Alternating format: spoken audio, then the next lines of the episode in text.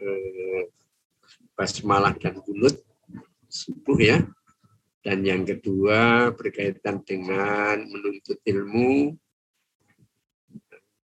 tanpa melalui guru. Yang lain ada juga selain ini yang sudah masuk, Mas?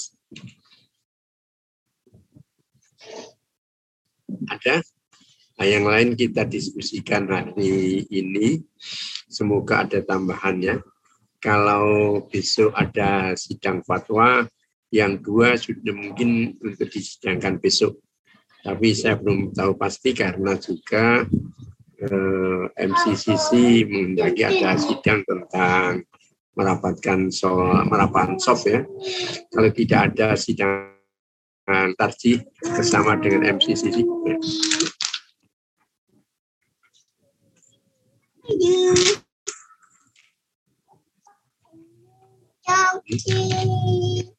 Nah, coba menambah materi yang akan bisa kita bawa ke tarjih. Siapa yang masih sudah punya bahan, Mas? Selain dua itu, ada lagi yang sudah dimasukkan?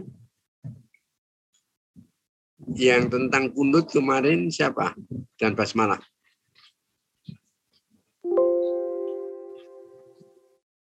Oh iya, ya mungkin kalau sidang besok ya, kalau tidak salah akan disidangkan besok, tetapi masih menunggu eh, apakah MCCC akan ada artinya rapat bersama tarji ya mungkin ditunda minggu depan. Tapi kalau tidak jadwalnya besok. Yang kemudian menuntut ilmu tanpa guru siapa? Uh, Jihan dan Gosan, Ustaz. Jihan dan Gosan yang bersedia siap ya untuk besok. Insya Allah. Jadi kalau sudah ada undangannya, saya sampaikan lewat grup ya. ya sebaiknya sekalipun tidak kita mempresentasikan semua hadir untuk tambah wawasan. Baik, kemudian masih ada pertanyaan yang lain yang tentang ars ya, jatuh itu yang Mas Azmi dan yang dua lagi tentang apa Mas? Siapa? Ini ada lima sini karena Mas Ifan kita kelompokkan ke kelas A itu biar genap. Siapa Mas? Tentang ini Ustaz, cara menikahkan anak. Siapa Mas? Sebentar, sebentar. Apa Mas? Siapa? Uh, Ahmad Saidi Ustaz dengan Muhammad Akmal. Ya, silakan kalau bisa sudah siap dengan draftnya di share screen kita bahas bersama. Silakan Mas, Mas Saidi dengan. Oh iya, saya kemarin sudah dapat anu ya. Saya sambungkan itu. Ya silahkan Mas Saidi pelan-pelan aja ya bacanya. Uh, mohon maaf untuk hostnya bisa ini nggak bisa bantuin nggak ini? Di mana Mas? Belum bisa share screen Ustaz. Kenapa? Siapa yang bisa menjadi ininya? Eh, hostnya?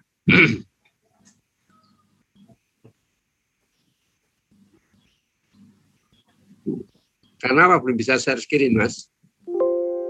Ini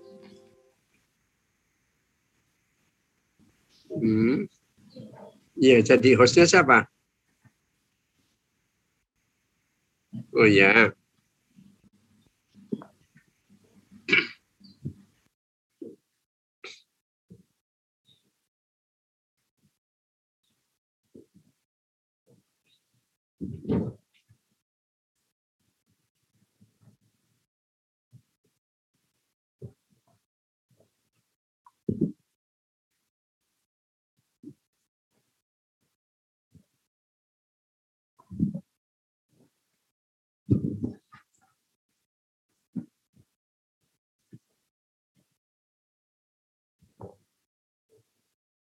you.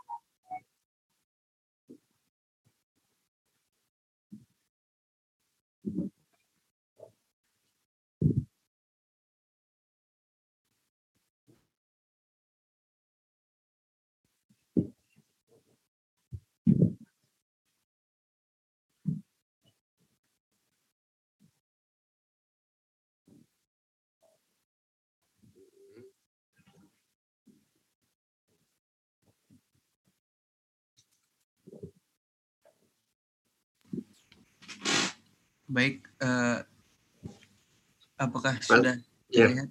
Ya, persis. Mas Saidi dengan Mas Akmal nih ya. Ya, Ustaz. Ya, pelan-pelan aja Mas ya, biar agak dibesarkan dikit Mas.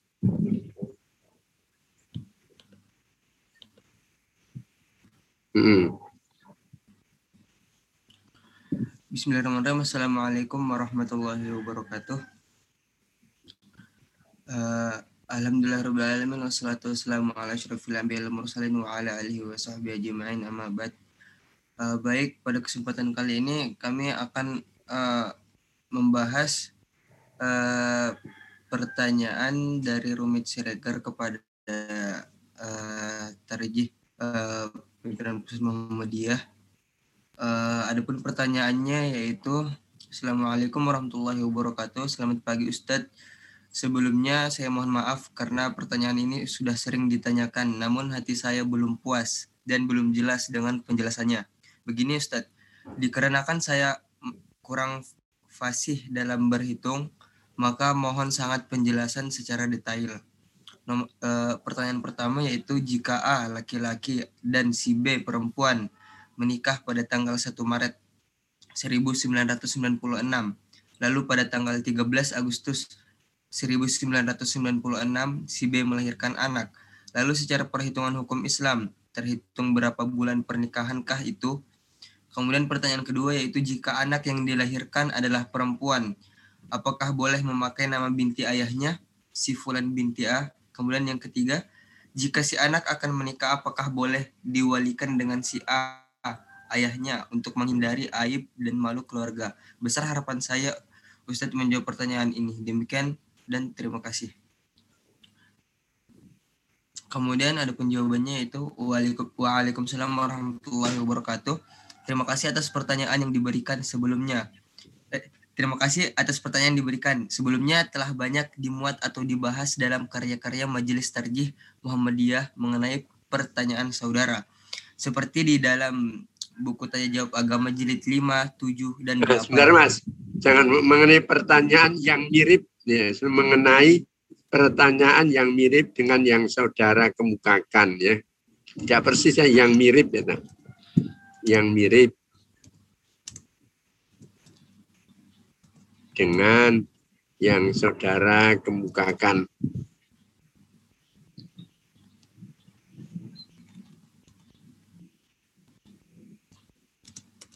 Ya. Seperti di dalam buku tanya jawab agama jilid 5, 7, dan 8. Tapi kami akan berusaha untuk menyampaikan atau menyempurnakan kembali pemahaman mengenai pertanyaan saudara. Yang pertama, jika seorang laki-laki 1996 kemudian dari pernikahannya itu dikaruniai seorang anak yang lahir pada tanggal 13 Agustus 1996 Nah, dengan, dengan kata Maret dan Agustus M-nya besar, Mas. Ini nama bulan. M-nya besar, Agustusnya juga besar. Iya. dengan menggunakan hitungan kalender Islam untuk untuk menghitungnya Mm-mm. Untuk menghitungnya kita berpijak pada bulan Komariah. Dalam bulan Komariah terhitung hanya sampai dengan 29 sampai 30 hari tidak lebih. Maka jika dikatakan 30 hari maka mulai tanggal 1 Maret Kata maka yang di depan itu dihilangkan, Mas. Terlalu banyak maka. Jika dihitung. eh, Yang maka yang enggak. Yang maka yang di awal kalimat itu. Mm-mm. Langsung jika besar. jika terus? dikatakan 30 hari maka mulai tanggal 1 Maret sampai 13 Agustus maksimal 163 hari. Jika dirata-ratakan per bulannya itu 30 hari maka terhitung waktu pernikahan mereka sampai dikaruniai anak yaitu 5 bulan lebih 13 hari. Dalam hal ini berarti keduanya menikah ketika si perempuan tersebut hamil karena terhitung waktu si perempuan itu melahirkan sebelum enam bulan dari pernikahannya dengan laki-laki tersebut. Perlu adanya pendekatan burhani. Ada enggak ini Mas? Dalam hal ini berarti keduanya menikah ketika perempuan tersebut hamil karena terhitung waktu si perempuan itu melahirkan sebelum enam bulan. Hmm. Dan pernikahan dengan bahasanya. Nah, dalam hal ini berarti keduanya menikah ketika perempuan tersebut sudah mas kata sudah hamil nah, kata sudah sudah hamil karena coba diperbaiki sudah hamil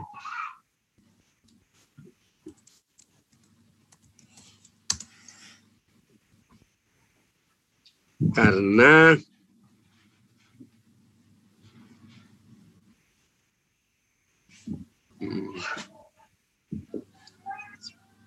di KHI ada nggak Mas coba dilihat KHI yang mengatakan enam bulan. Saya pernah baca kemarin lihat KHI-nya. Yang ini Ustaz.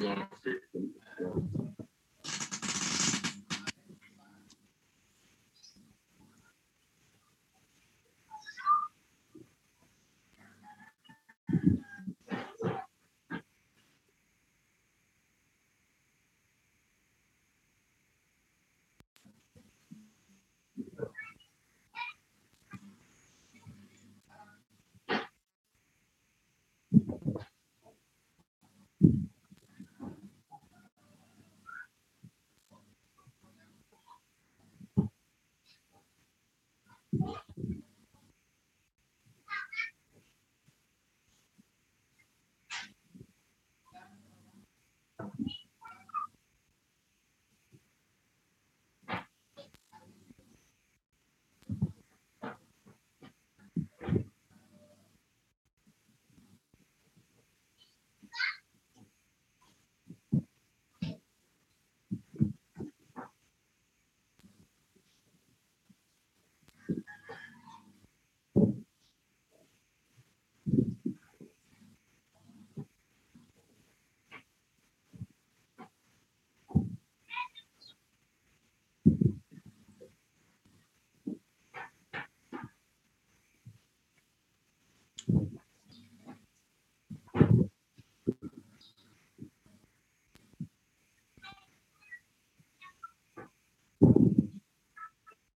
Kalau ini kalau belum ada kan eh, belum ada kalau di KHI coba Mas ada nggak KHI?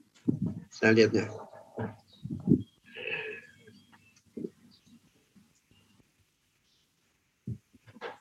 Yang mana semua KHI ada Mas?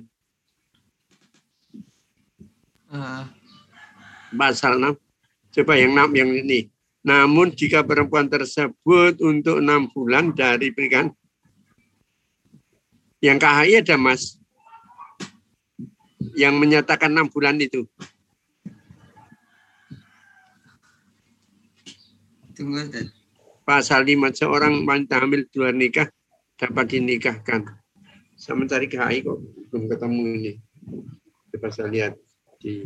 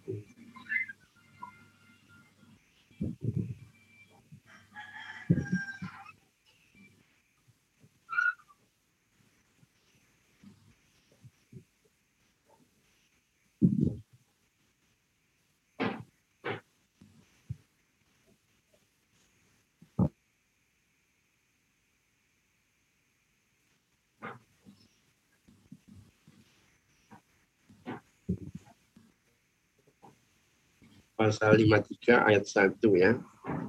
Yang tentang enam bulan. Saya lihatnya dulu.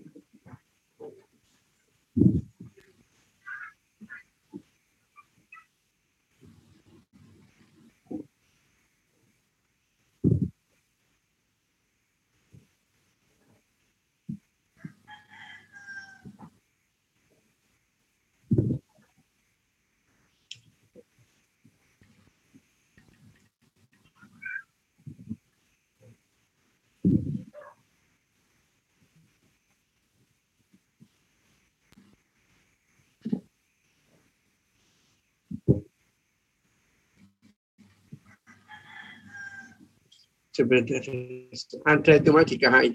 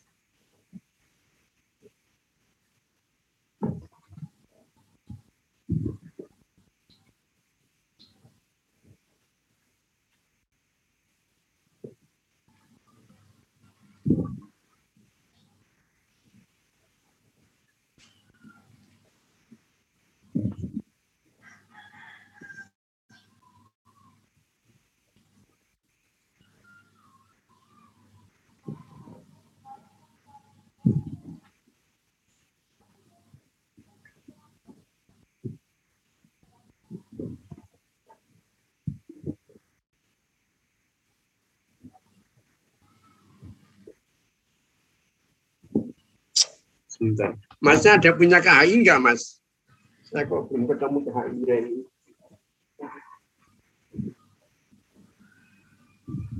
Kompilasi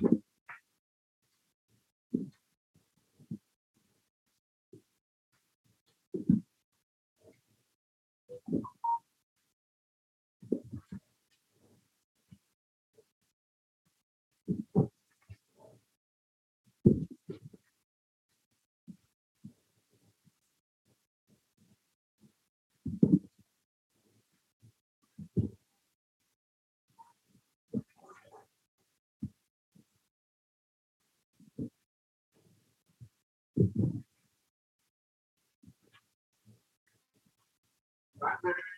anu Pak, celananya bukan jadi anak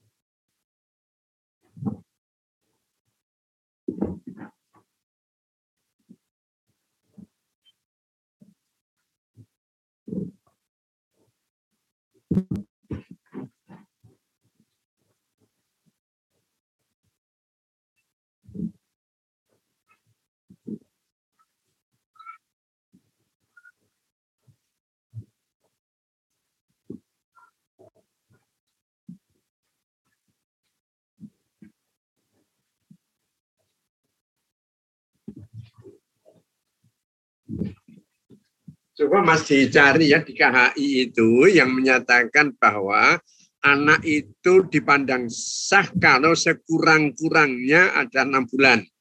Itu kalau memang bisa dilengkapi dengan eh, keterangan dokter itu akan lebih dari KHI saya kok belum ketemu ini. Sudah.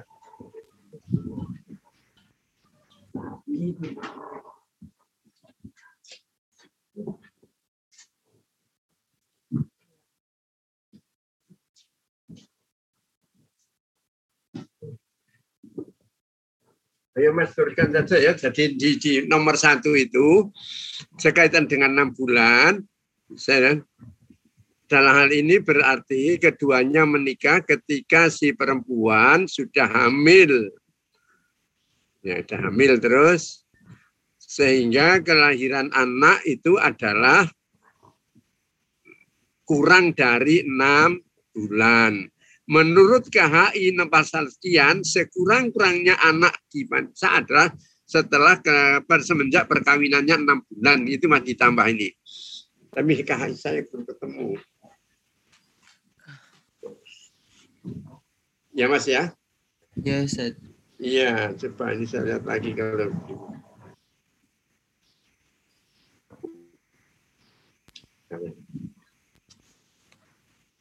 coba saya lihat lagi kalau ada eh, dan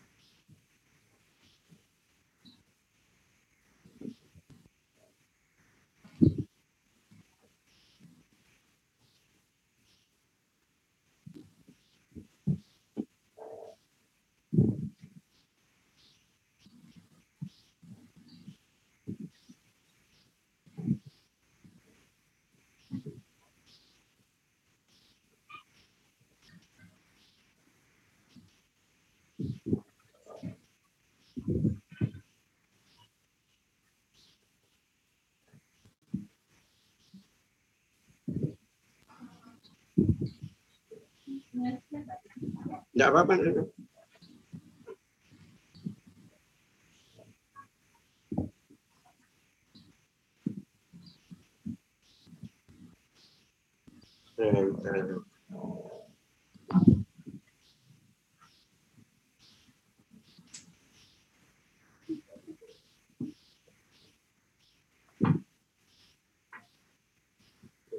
Kalau ada pasalnya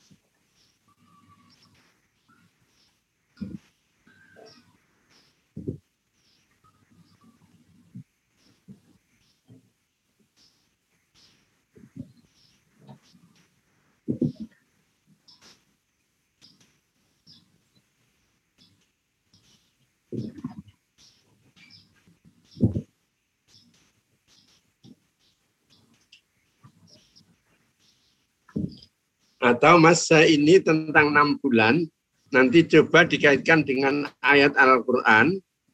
Itu ya. Nah,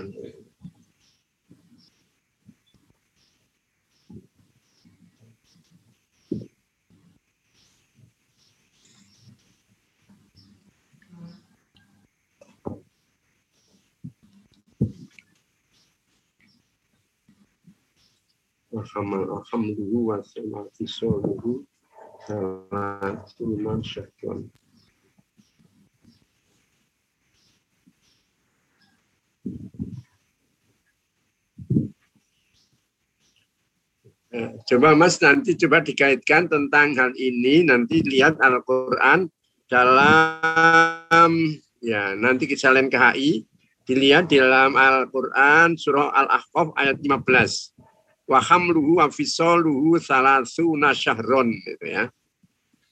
Kemudian dikaitkan dengan Al-Baqarah 233. Wal walidatu yurdina auladahunna haulaini kamilaini. Yang pertama menyatakan bahwa kehamilan dan menyusui itu 32, 30 bulan. Dan kemudian eh, ibu menyusui itu adalah dua tahun, dua tahun 24 bulan. Berarti jarak antara ya atau berarti bahwasannya kehamilan plus apa eh, plus menyusui dikurangi menyusui saja 30 bulan dikurangi 6 24 bulan sama dengan 4 bulan. Nah, itu. Itu canggih. Jadi kan pertama nanti dikuatkan dengan dikaitkan dengan kompilasi hukum Islam, yang kedua dikaitkan atau atau dikaitkan pertama dengan ayat Al-Qur'an dulu ya tentang 6 bulan.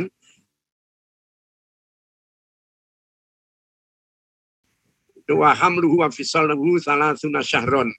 Bahwa ini Al-Afqaf ayat 15 bahwa kehamilan ditambah dengan menyusui itu 30 bulan. Sedangkan menyusui saja itu adalah eh, enam bulan Al-Baqarah 233. Dengan demikian maka kelahiran anak itu sekurang-kurangnya adalah enam bulan. Nah, kemudian ditambah disusul dengan KHI pasal berapa? Saya cari KHI-nya belum ketemu. Gitu ya Mas ya? Iya Ustaz. Yo. Ya, ini sudah ketemu ayat ini. Ya, teruskan Mas. Sebelum uh, sebelum menjawab pertanyaan kedua, kami akan menjelaskan terlebih dahulu hukum menikahi perempuan yang sedang hamil. Dan adapun hukum menikahi wanita hamil karena zina itu boleh selama ia menikah dengan laki-laki yang menzinai. Ini sesuai dengan KHI pasal 53 ayat 1 yang berbunyi seorang wanita hamil di luar nikah dapat dikawinkan dengan laki-laki yang menghamilinya. Dan ayat 2 yang berbunyi, perkawinan dengan wanita hamil yang disebutkan pada ayat 1 dapat berlang dilangsungkan tanpa menunggu lebih dahulu kelahiran anaknya.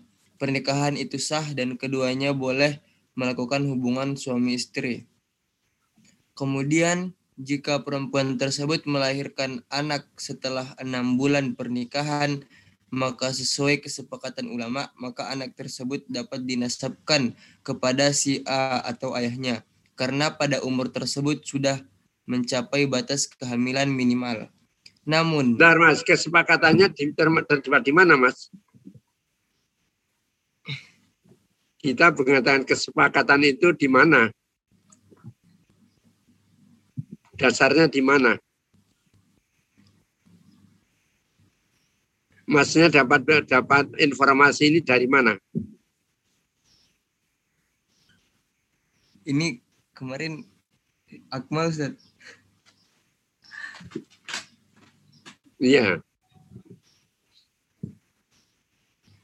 Apakah kesepakatan ini ada dasarnya, dasar hukumnya, peraturan perundang-undangan, atau juga ada kaul fukoha dari mana ini mas? Mas Akmalnya sakit ini desa masuk ini. Iya Ustaz, kemarin yang merevisi si Akmal Ustaz. Oh, iya, ini yang masih perlu kita cari lebih lagi ya. Bagaimana Mas tadi yang punya kesepakatan tadi? Eh,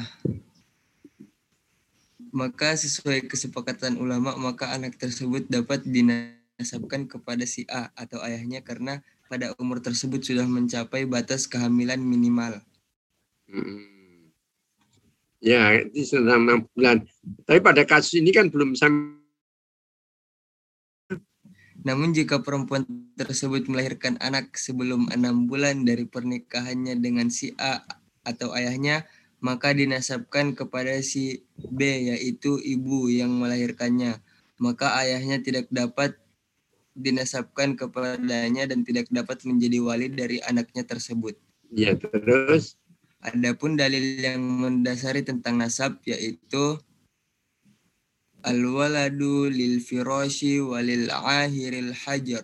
mm, Dari Aisyah diriwayatkan bahwa Rasulullah Shallallahu alaihi wasallam bersabda, anak itu haknya laki-laki yang memiliki tempat tidur atau suami yang sah dan bagi yang berzina tidak mempunyai hak apa pun atas anak tersebut.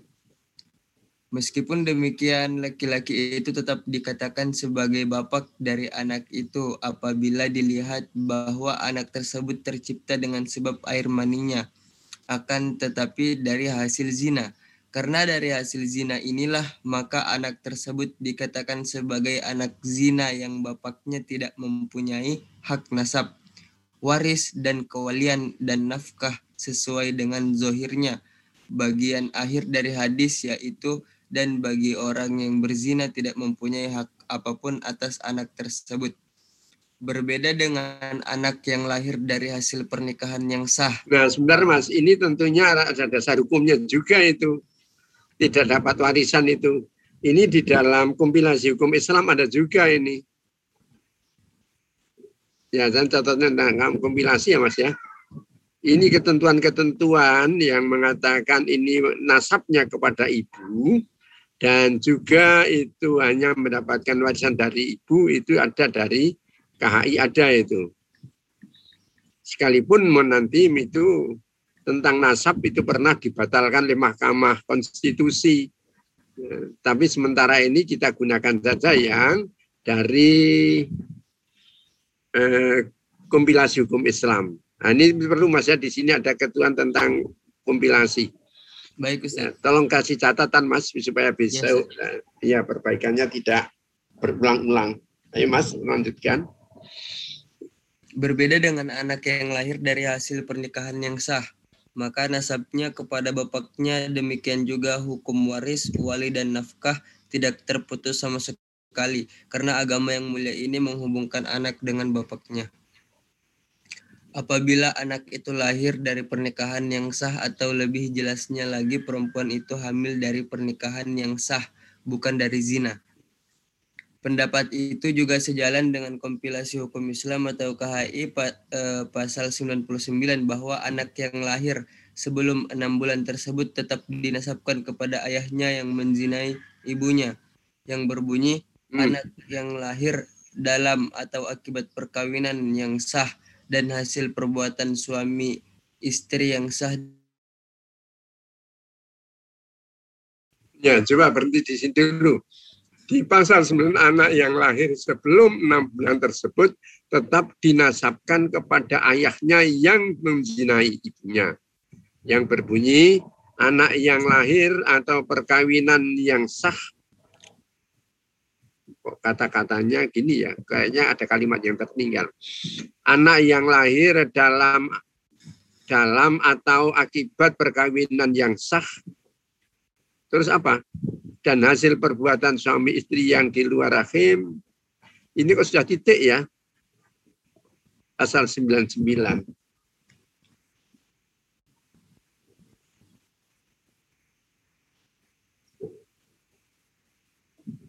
Ya, pasal 99.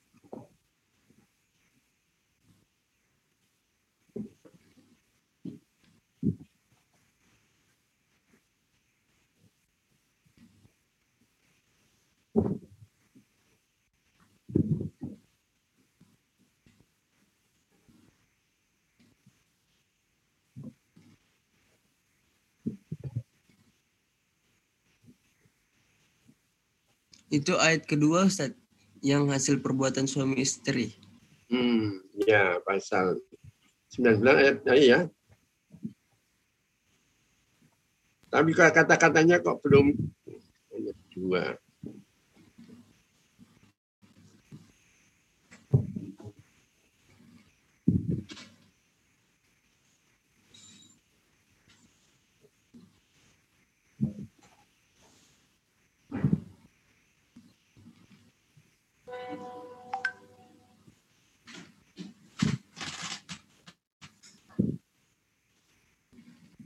Sí, 2010,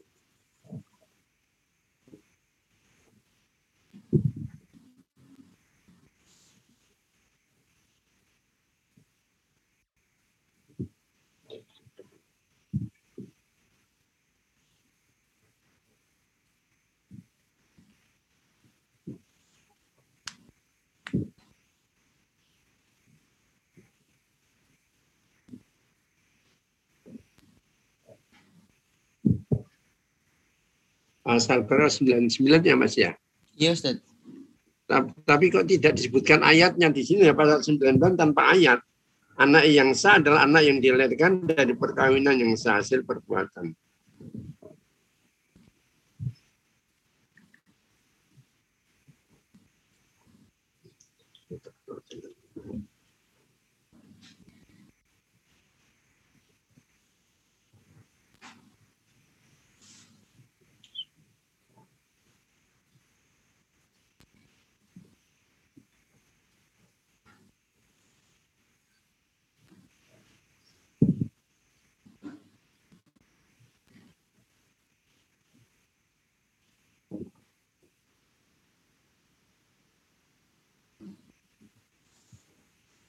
Pasal 99.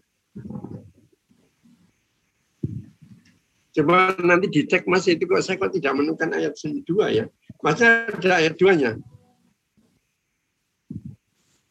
Itu KHI saya tidak ada ketemu ini.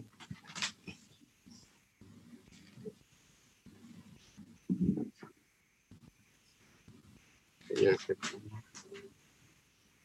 pasal itu ada KHI.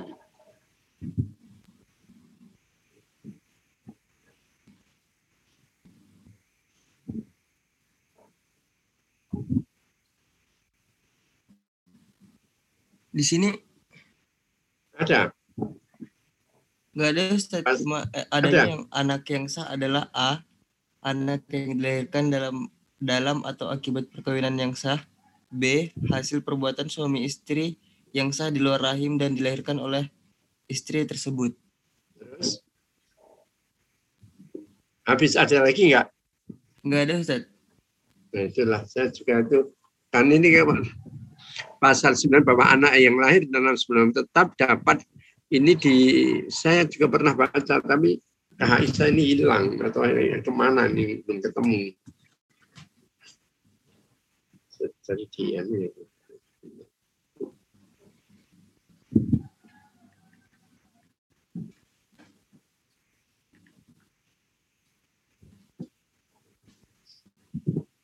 Pasal yang lain.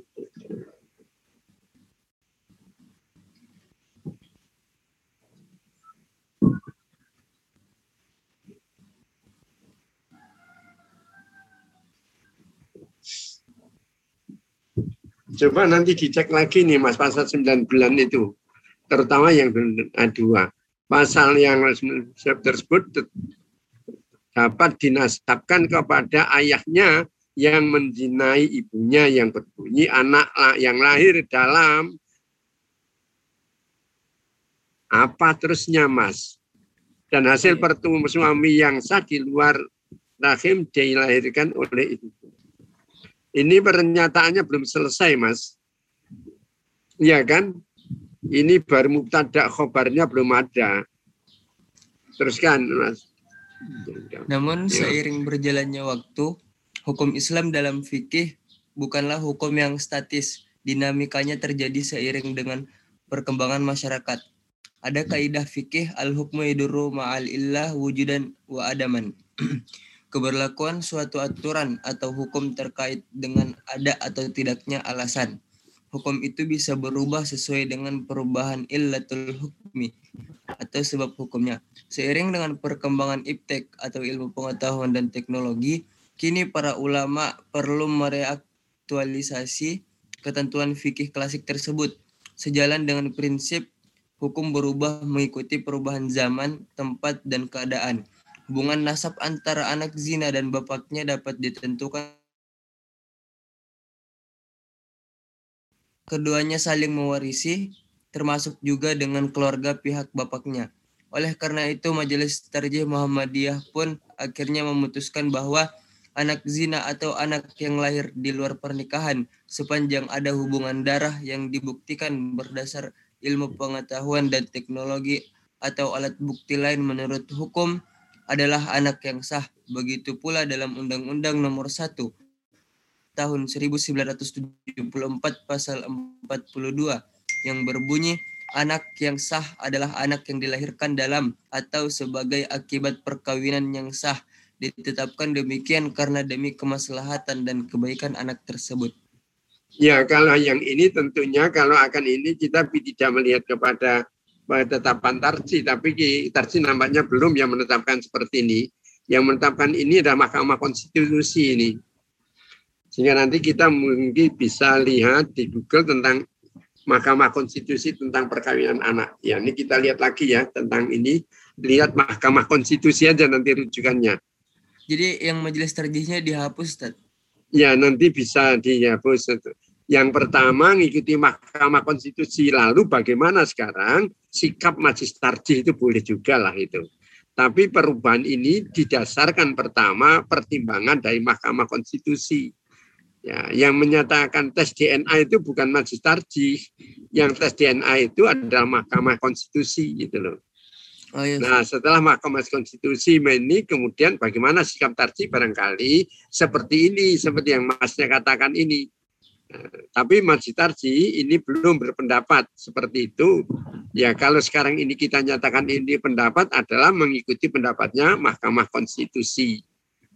Ya nanti kita lihat di Mahkamah Konstitusi ya. ya Terus kan Mas? Iya. Kemudian nomor tiga, anak zina sebagai manusia biasa.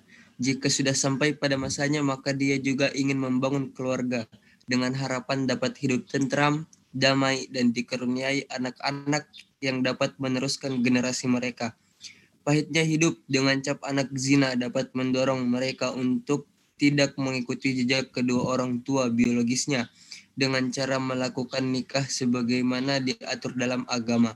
Wali merupakan salah satu rukun akad nikah berdasarkan nas-nas Al-Quran dan Al-Hadis sebagai berikut wa ankihul ayama minkum wasolihina min ibadikum wa imaikum yang artinya dan kawinkanlah orang-orang yang sendirian di antara kamu dan orang-orang yang layak berkawin dari hamba-hamba sahayamu yang lelaki dan hamba-hamba sahayamu yang perempuan. Quran Surat An-Nur ayat 32. Kemudian dalil selanjutnya wala tankihul musyrikati hatta yu'min dan janganlah kamu menikahi perempuan musyrik sebelum mereka beriman.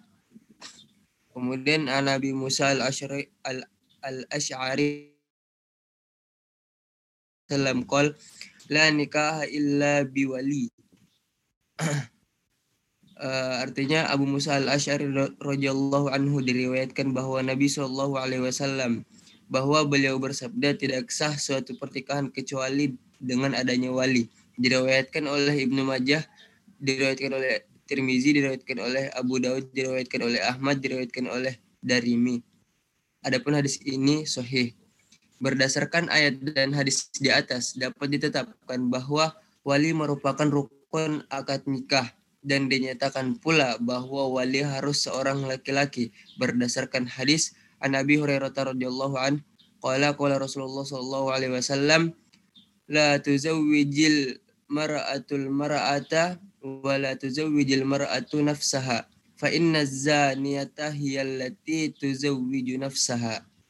Dari Abu Hurairah eh, diriwayatkan bahwa Rasulullah Shallallahu alaihi wasallam bersabda, perempuan tidak boleh menikahkan atau menjadi wali ter terhadap perempuan dan tidak boleh menikahkan dirinya sendiri karena wanita pezina itu ialah yang menikahkan dirinya sendiri. Hadis riwayat Ibnu Majah dan Darqutni.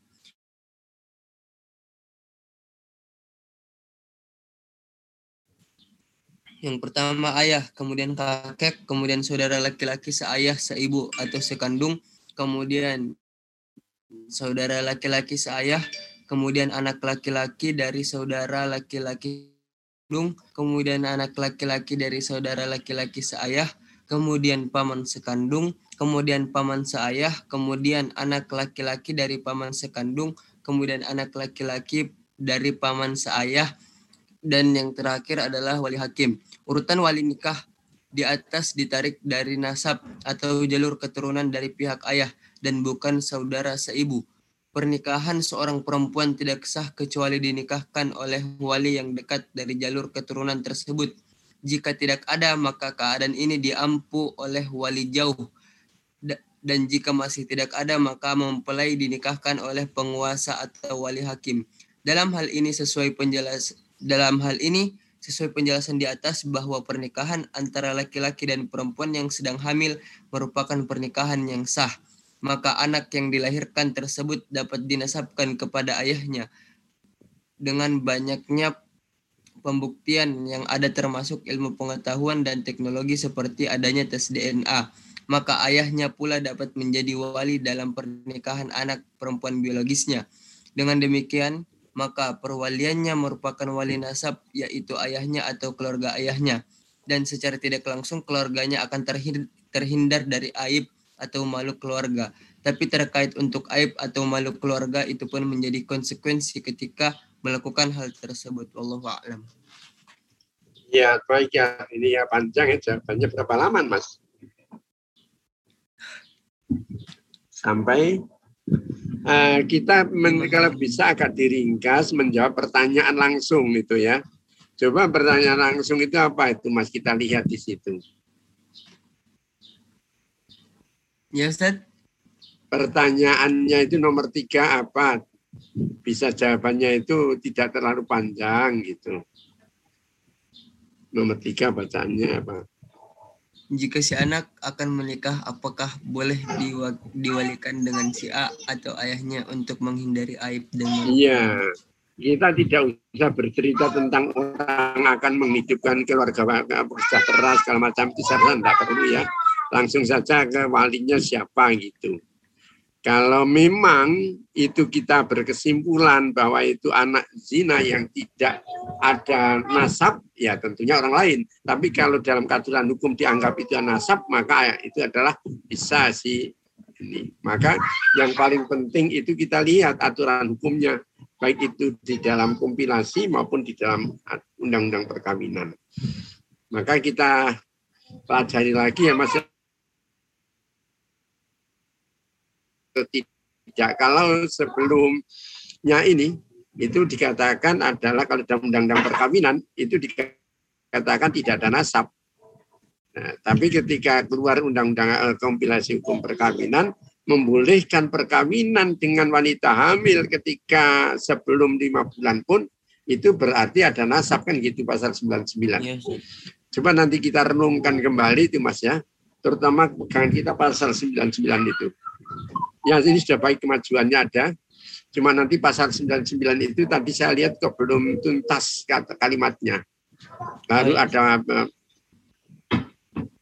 apa kalau bahasa Arab itu baru ada mubtada belum ada khobarnya. Baru ada subjek belum ada predikatnya.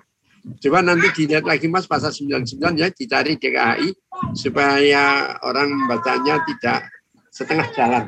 Cukup ya kita ganti yang lain iya. Monggo yang lain siapa? Syukran Ustaz.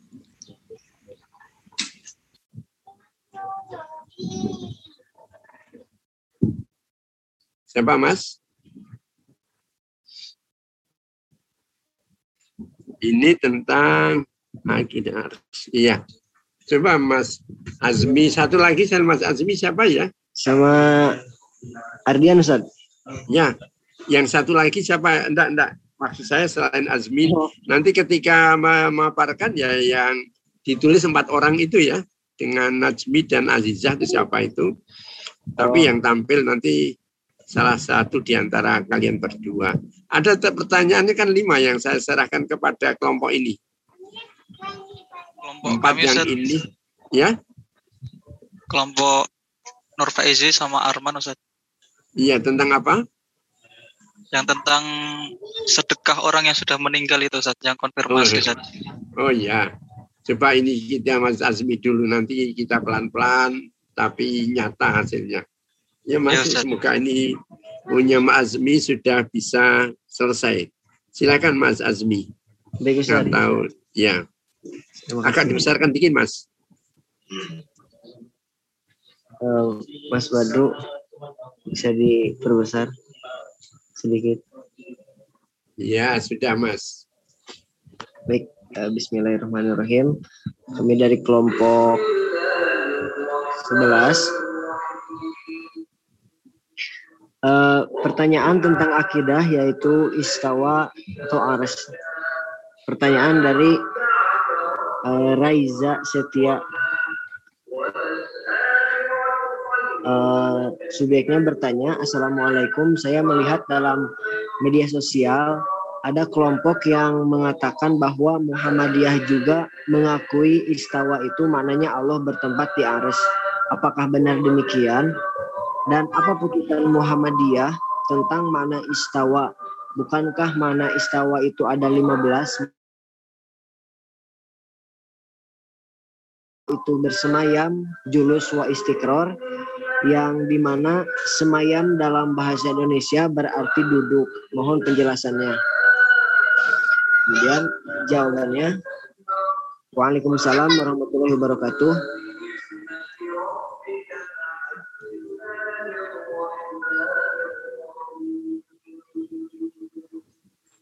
Mas bisa di scroll.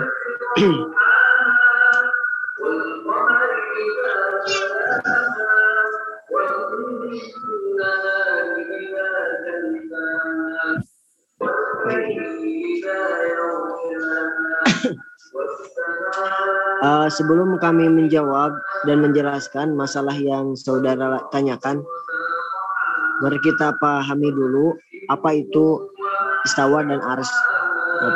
Pengertian ars para ahli bahasa mengartikan ars sebagai singgasana, bangunan, istana atau tahta.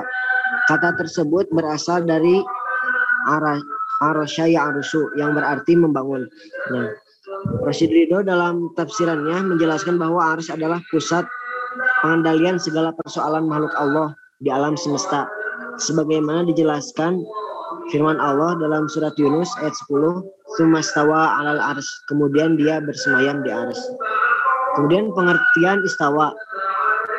Eh, secara bahasa, istawa itu memiliki 15 makna yaitu a'la tinggi, kemudian irtifa terangkat, kemudian su'uda naik, kemudian eh, istaqarra menetap, kemudian lima nuj, eh, nujun masak atau matang, kemudian enam at-tamam sempurna, kemudian tujuh al-i'tidal lurus, kemudian delapan jalasa duduk, kemudian sembilan eh istaula menguasai kemudian 10 al. I'tina penjagaan. Kemudian 11 istaqoma menjadi lurus. Kemudian 12 tasawa setara. Kemudian 13 tahazza eh, tahaffazo.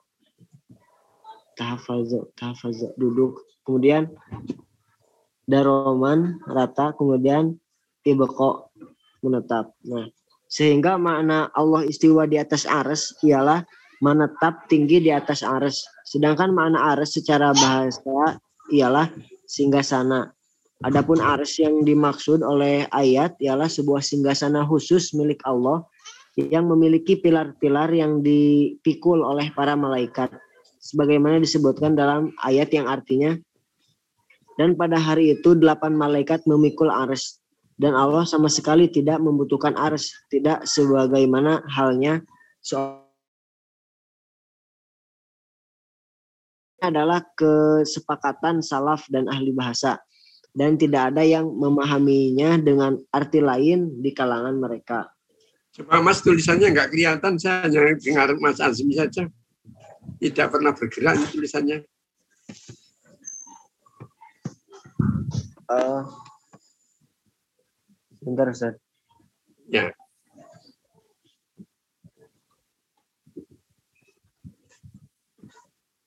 Nah, sudah.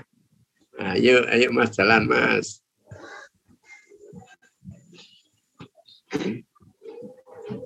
Kemudian eh memang tadi.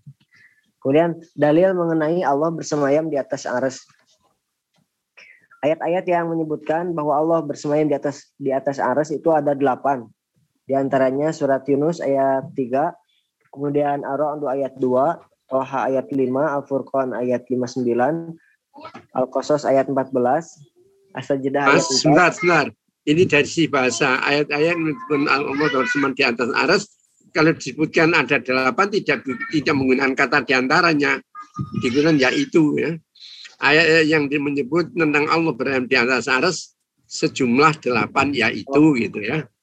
Ya, Lalu angkanya, lalu titik-titik itu diganti angka, Mas. ya Ustaz. Ya, titik-titik ganti angka itu. Satu, dua itu. Nah, itu.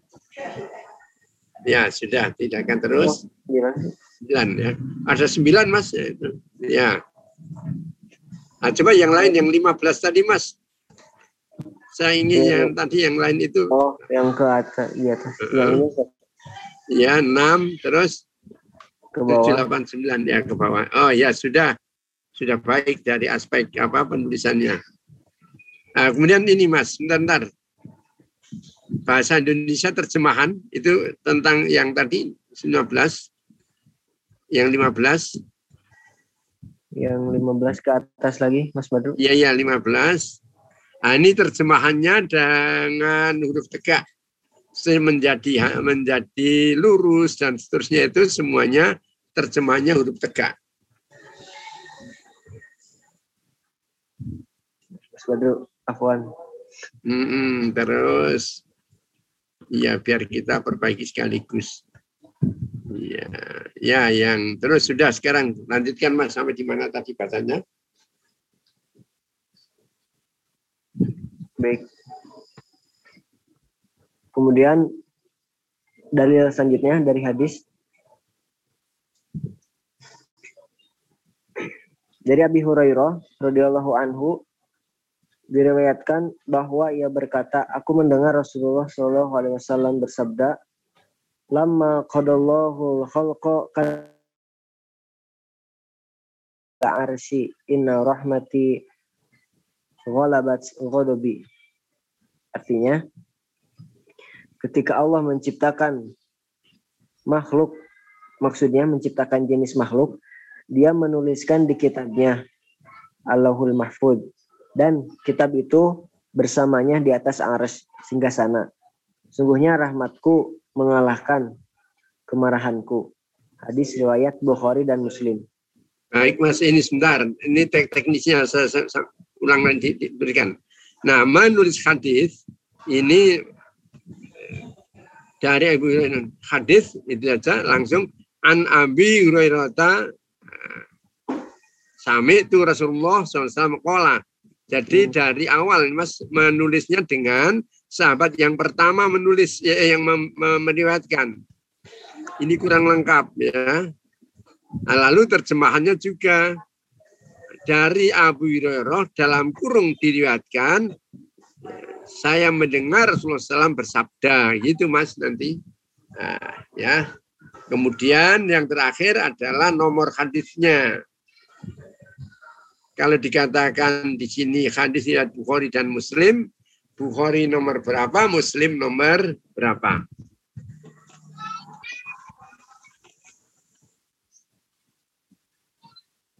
Ya Ustaz. Hmm. Terus Mas, nanti diperbaiki itu Mas Azmi ya. Terus pembahasan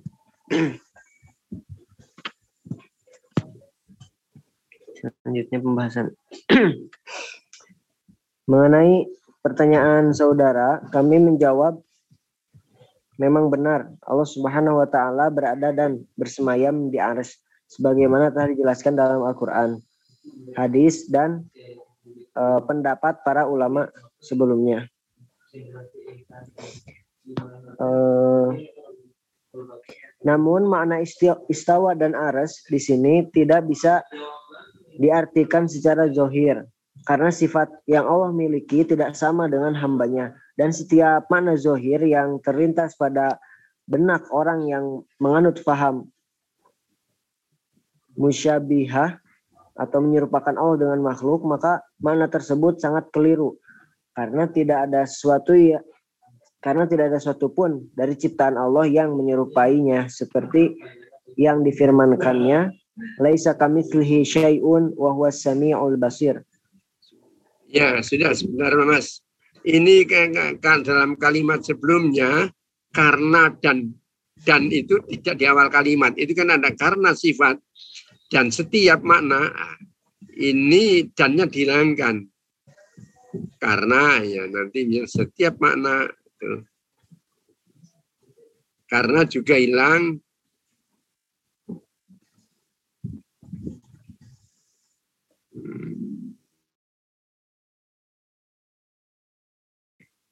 tidak ada sesuatu pun yang serupa dengannya dan Allah lah yang maha mendengar lagi maha melihat Asyura ayat 11 Eh, Mas Hafid Hmm. bisa bergabung Baik, Mas Asmi. Sedikit yang saya tambah dari ini.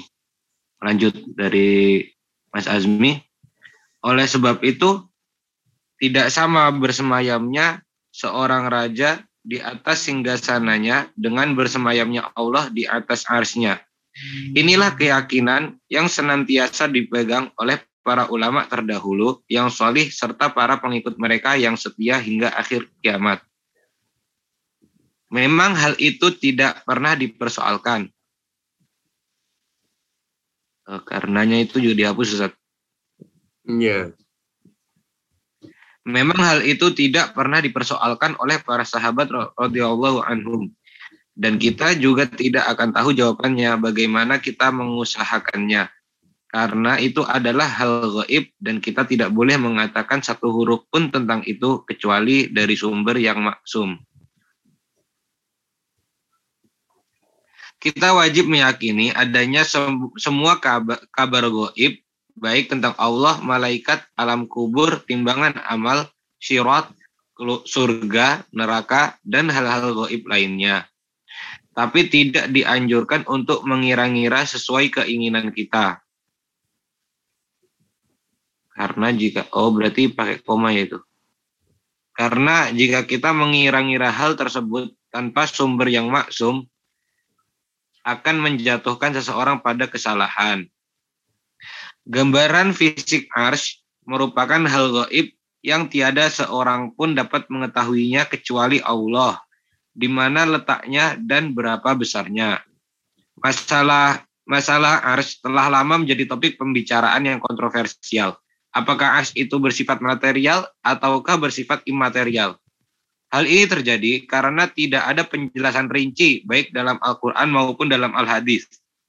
Hal ini telah dijelaskan dalam Tanya Jawab Agama Jilid 7 halaman 160 sampai 162 dan telah dimuat juga di website Fatwa Tarjih Muhammadiyah. Bahkan Ahmad bin Hambal dalam ba- bantahannya kepada kelompok Jamhiyah, Jahmiyah, beliau mengatakan, "Mengapa kalian mengingkari bahwa Allah berada di atas arsy padahal dia sendiri telah mengatakan Allah yang Maha Pengasih itu berada di atas arsy." Quran surat Toha ayat 5. Beliau juga dengan tegas mengatakan, dia berada di atas arsy, tapi pengetahuannya meliputi apa pun yang ada di bawah arsy, tidak ada satupun tempat yang luput dari pengetahuannya. Inilah akidah seluruh ulama ahlu sunnah di masa awal-awal Islam.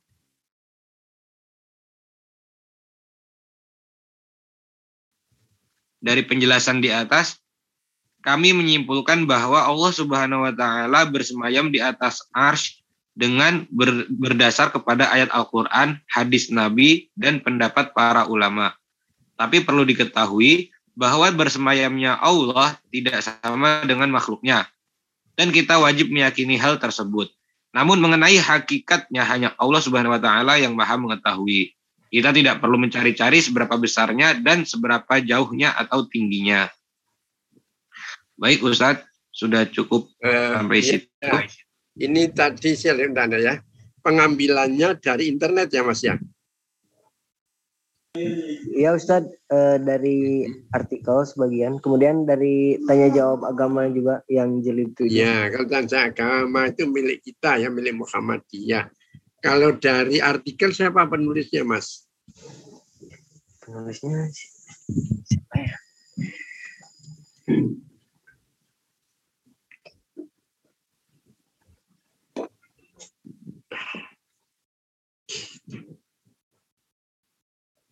Maksud saya begini, kalau bisa ya Mas, kita bisa orang ketika orang itu bisa mengambil pengertian, tentunya pengertian itu dia diambil dari sumber aslinya. Ketika orang itu bisa ngambil sumber aslinya, mengapa kita tidak bisa kan gitu? Nah ini tantangan kita adalah untuk mengambil dari sumber asli. Kalau kita ngambil dari sumber sekunder itu bagi Muhammadiyah yang juga kan orang lain bisa, mengapa Muhammadiyah tidak bisa? Ini tantangan yang berat kita di situ.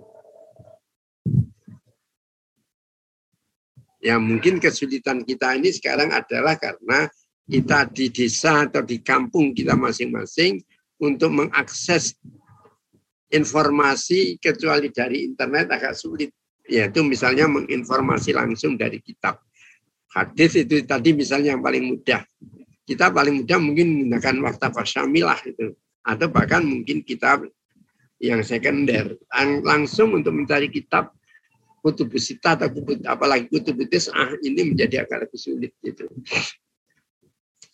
Nah ini yang saya rasa Mas Azmi HPR-nya sekarang mencoba sumber aslinya sehingga tidak eh, dicap atau di ketikan label Muhammadiyah eh, ngambil karya orang saja.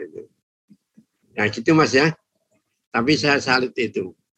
Ada 15 nama itu kemungkinan dari nama-nama itu bisa kita cari nanti di kamus atau di mukjam mukjam atau apa namanya eh, dictionary itu apa kalau bahasa Indonesia-nya suatu kitab Kamus. Bukan kamus eh, apa ya di dalam ya buku yang menyangkut beberapa istilah itu apa namanya bukan kamus kalau ini penjelasan Nah, ensiklopedi ya, ensiklopedi coba. Misalnya di Dairatul Ma'arif atau ensiklopedi yang lain. Tidak usah tergesa, Mas, ya. Tapi sudah banyak kemajuan. Tinggal mencari sumber aslinya saja. Gitu, Mas ya. Baik, kita Mas Mas ini sudah ada kemajuan, Mas siapa? Yang tentang sodakoh bisa ditampilkan sekarang, Mas atau masih menunggu? Pilihannya login dulu. Gimana Mas Nur? Dr. Faizi. Ya, saat ini saya mau login dulu pakai laptop, Ustaz. Oh, iya.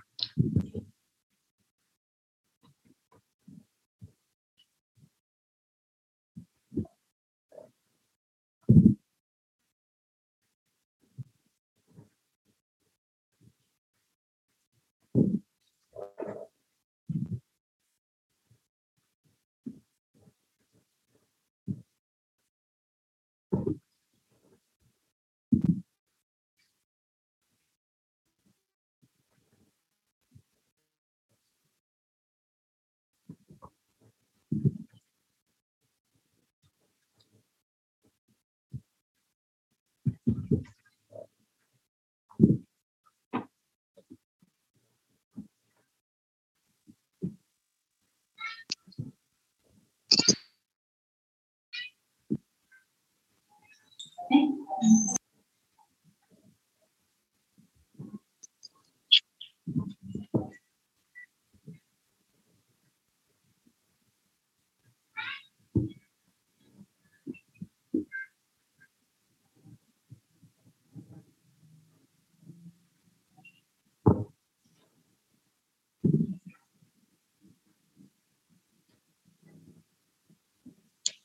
kemarin saya sudah kirim buku pedoman penulisan risalah ya Mas ya. Sudah ada yang kopi? Iya, tolong dipelajari baik-baik. Nanti minggu pagi insya Allah kita diskusikan mana yang belum jelas. Kita diskusikan supaya menjadi jelas karena saya informasikan sekaligus ini tanggal 15 Oktober judul risalah harus sudah masuk gitu. Nanti diseleksi dalam waktu satu minggu, minggu keempat barangkali bulan Oktober sudah keluar, lalu membuat proposal sekitar dua bulan, itu nanti di pertengahan Desember itu kira-kira nanti sudah seminar proposal gitu.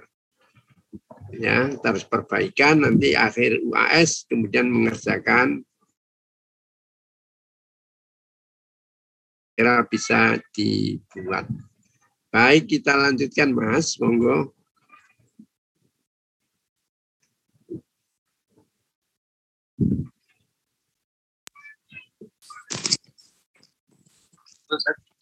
Mm-hmm. Bismillah. Ini diulang dari awal gitu. Iya, dari awal kita bisa mendapatkan secara utuh itu ya.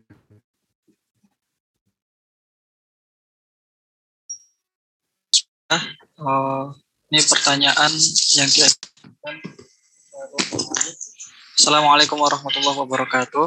Klarifikasi terhadap jawaban putusan tarjih tentang bersedekahnya seorang atas nama orang yang sudah wafat itu terima pahalanya.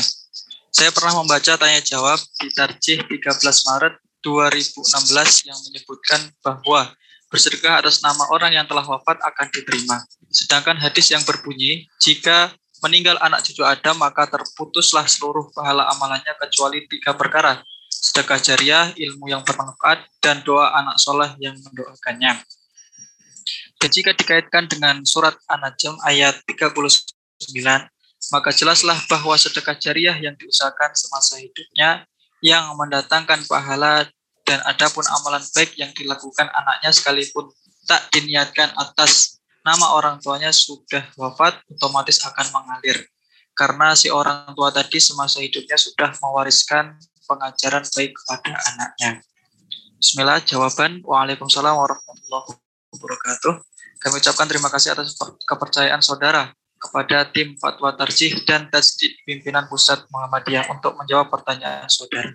Sebelumnya pertanyaan serupa telah dimuat dalam website Suara Muhammadiyah yaitu pada 7 Juni 2021 tentang hadis bersedekah untuk orang yang sudah meninggal dunia atau dimuat juga pada Suara Muhammadiyah uh, tentang bersedekah untuk orang yang sudah mati, bid'ah atau tidak. Nah, ini sudah disidangkan pada Jumat 6 Dzulqa'dah 1428 Hijriah atau pertepatan 16 November 2007 Masehi.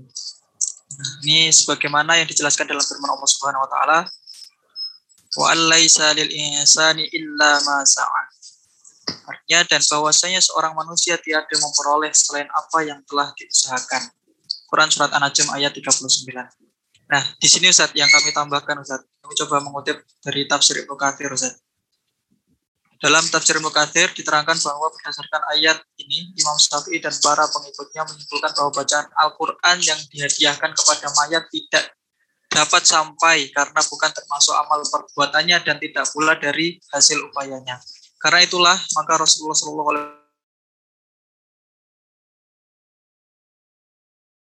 perintahkan mereka untuk mengerjakannya tidak pula memberi mereka petunjuk padanya baik melalui nas, hadis maupun makna yang tersirat darinya. Hal ini tidak pernah pula adanya hal ini atau bacaan Al-Quran untuk mayat merupakan hal yang baik tentulah kita pun menggalakkannya dan berlomba melakukannya. Pembahasan yang sesuai dengan pertanyaan sini. Pembahasan mengenai amal takorub itu hanya terbatas pada apa yang digariskan oleh naskah syariat dan tidak boleh menetapkannya dengan berbagai macam hukum, analogi, dan pendapat mana pun. Akan tetapi berkenaan dengan doa dan sedekah yang pahalanya dihadiahkan untuk mayat, maka hal ini telah disepakati oleh para ulama bahwa pahala pahalanya dapat sampai kepada mayat. Dan juga ada nas dari syariat yang Nah ini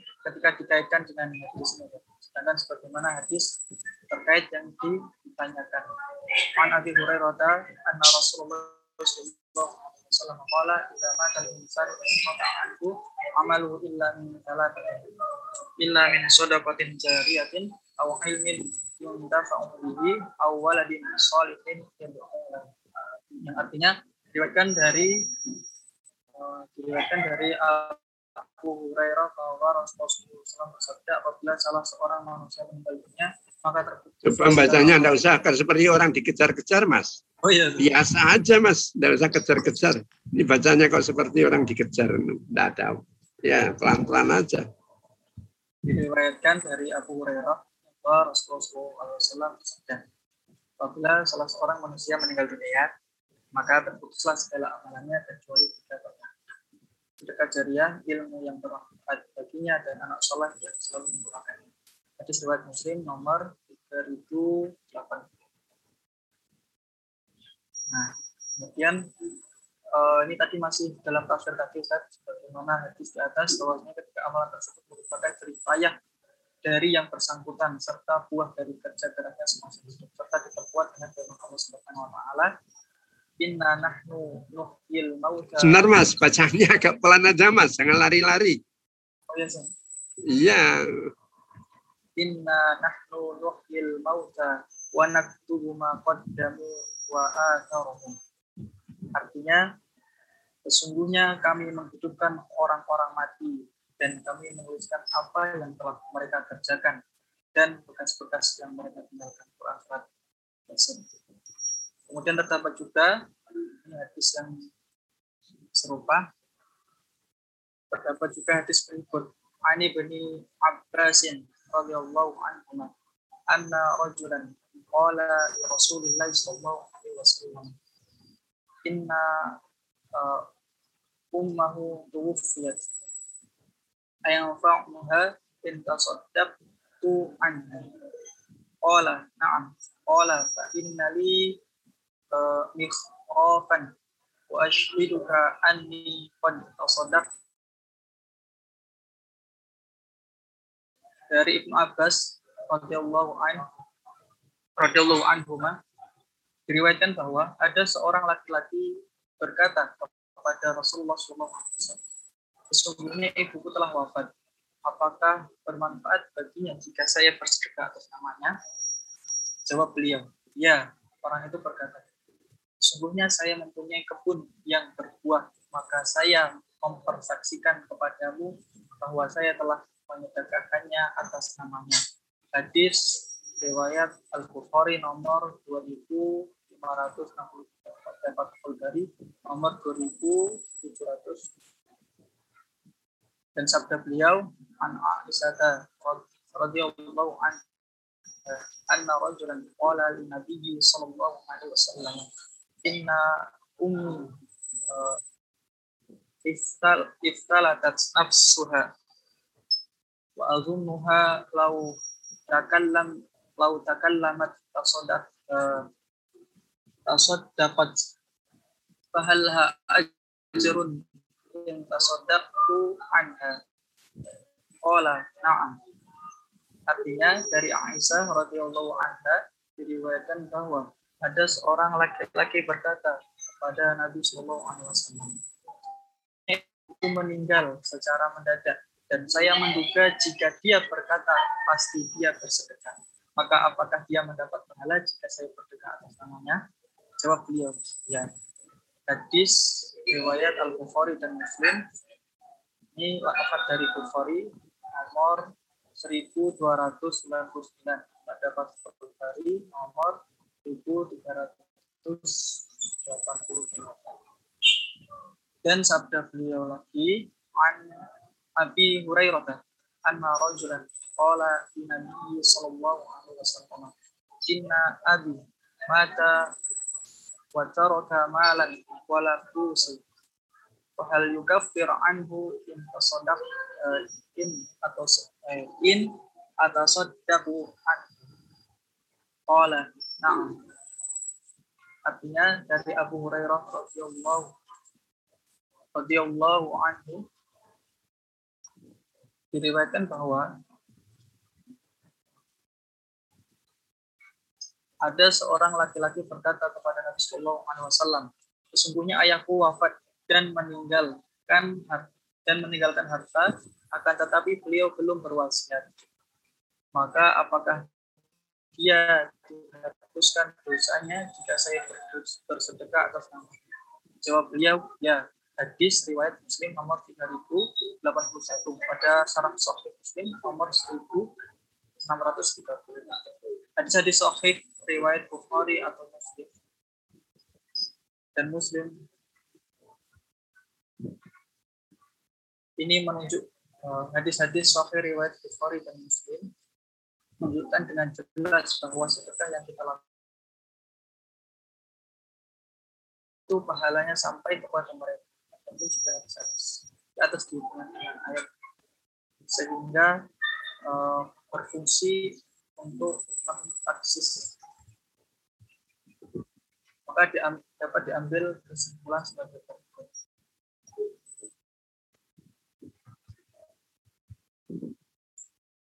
Yang pertama dapat dipahami secara umum sebagaimana dinyatakan dalam Quran surat An-Najm ayat 39 seorang manusia itu tidak memperoleh pahala dari Allah selain apa yang telah dikerjakan. Atau dikerjakannya? Sebelum dia meninggal dunia dan juga hadis tentang Perlu diketahui bahwa keumuman ayat di atas dikhususkan oleh hadis-hadis yang menyatakan bahwa sedekah yang dilakukan seorang an atas nama orang tuanya yang telah dunia, pahalanya sampai kepada orang tua yang telah meninggal dunia tersebut.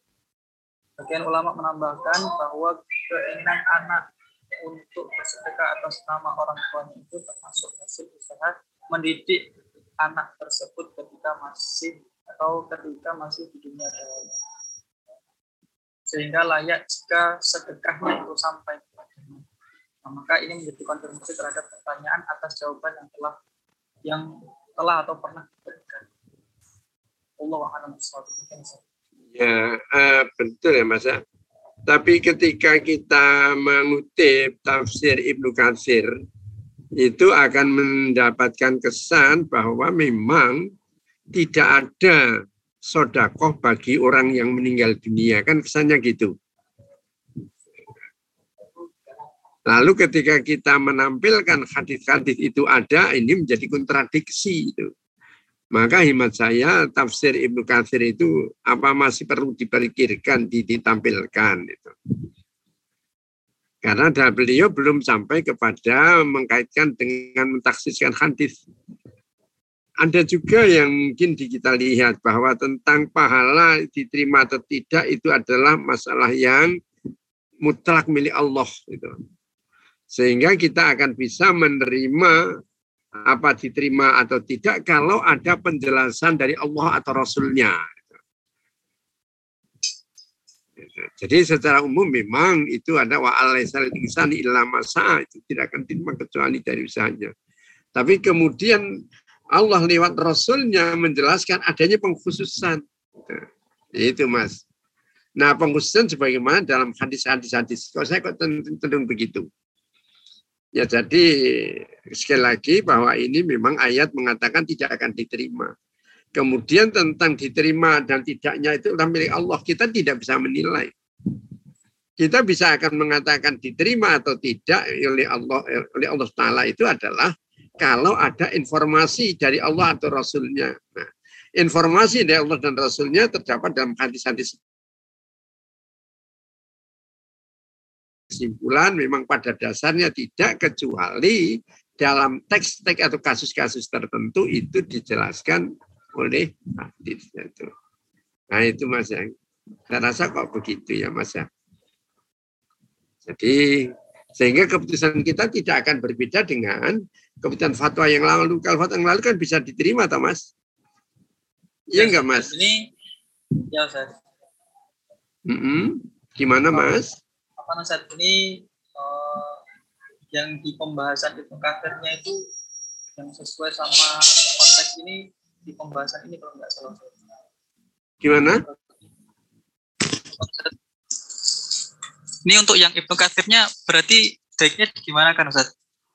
Ya karena Ibnu Katsir itu saya membaca, saya mendengar penjelasan Anda, seolah-olah Ibnu Katsir itu akan mengatakan selain persis dalam ayat, selain ini tidak akan bisa diterima, selain dari usaha sendiri, kan gitu. Gitu Eh, kan? Kemudian ini apa Ustaz? Tadi saya baca yang ini Ustaz. Eh, pembahasan mengenai amal tak korup itu hanya terbatas pada apa yang digariskan oleh nas-nas syariat dan tidak boleh ditetapkan dengan berbagai macam hukum analogi dan pendapat mana pun. Nah, oh Ya, mungkin itu, itu- bertenang Ustaz. Ya, kalau itu saya, saya bisa dipertahankan. Ya itulah yang saya katakan tadi, Mas. Oh, ini nasnya begini, ya. Tentang diterima dan tidaknya itu adalah mutlak milik Allah. Maka ketika Allah menyatakan hal di atas, kemudian memberikan pengecualian-pengecualian lewat penjalan Rasulnya, itulah harus kita terima. Nah, pengecualiannya disebutkan dalam hadis-hadis sebagai berikut. Nah, gitu, Mas. Atau pengkhususan, bukan pengecualiannya pengkhususan bolehlah taksus atau atau istisna pengecualiannya adalah sebagai dalam hadis-hadis sehingga kesimpulannya pada dasarnya tidak tapi ketika ada penjelasan yang mengkhususkan maka pengkhususan itulah yang kita terima. Ah, seperti tadi mau bersodakoh nah itu. Nah, itu ya mas ya? Sehingga tidak tidak bertentangan dengan yang lama. Kalau tentang itu pembahasan mengenai amal takor itu hanya terbatas pada apa-apa. Nah ini dalam bahasa Indonesia sekali lagi kata apa itu tidak boleh di tengah kalimat ya. Kalau dalam bahasa Arab ma itu bisa itu atau man itu bisa. Which itu dalam bahasa Inggris. Tapi dalam bahasa Indonesia kata apa, bagaimana, mengapa, kapan, di mana itu tidak bisa masuk ke dalam tengah kalimat. Itu termasuk maka. Kalau maka maka sebaliknya ketika maka dan karena itu tidak bisa di awal kalimat. Maka dan karena itu di tengah kalimat. Ya itulah yang jadi tolong itu mas nanti tentang ini saya cenderung untuk perbuatan diterima dan tidaknya ada ketetapan Allah. Seperti halnya di dalam ini semua orang tidak tidak akan diterima kecuali saya sendiri. Namun ketika Allah memberikan penjelasan, Allah melalui eh, sabda Rasulnya mengatakan ada beberapa hal yang bisa diterima, tentulah ini menjadi pedoman bagi kita untuk bisa melakukannya. Nah, hadis-hadis yang menjelaskan adalah sebagai berikut. Sehingga antara ayat dengan hadis ini tidak bertentangan karena ayat ini ketentuan umum, hadis ini adalah merupakan sebagai pengkhususan dari suatu itu. Ya saya rasa bagus mas sedikit yang kita perbaiki. Mungkin minggu depan sudah bisa masuk ya mas ya. Ya ini Mas Nur Muhammad Faizi ya. Dengan ya Dengan dengan Mas Arman. Ya, baik saya rasa minggu depan ini sudah bisa tambah dua ya. Sekarang kita sudah memasukkan dua seperti saya katakan tadi. Kalau besok sidang ini yang tentang niat, eh, tentang basmalah dan kunut. Kemudian satu tentang apa itu tadi? Eh, apa mas yang kedua ya? Basmalah. Belajar tanpa perantara. Eh, belajar tanpa guru itu rasanya mau diagendakan besok. Kalau besok ada sidang fatwa. Karena ada kemungkinan tidak sidang karena ada rapat dengan MCCC. Kalau MCCC diundur atau mungkin ditunda ya, itu siap-siap besok untuk menyampaikan. Ya saya rasa sampai ini dulu kita ini dengan Alhamdulillah. Alhamdulillah. Alhamdulillah warahmatullahi Alamin. wabarakatuh. Waalaikumsalam warahmatullahi wabarakatuh.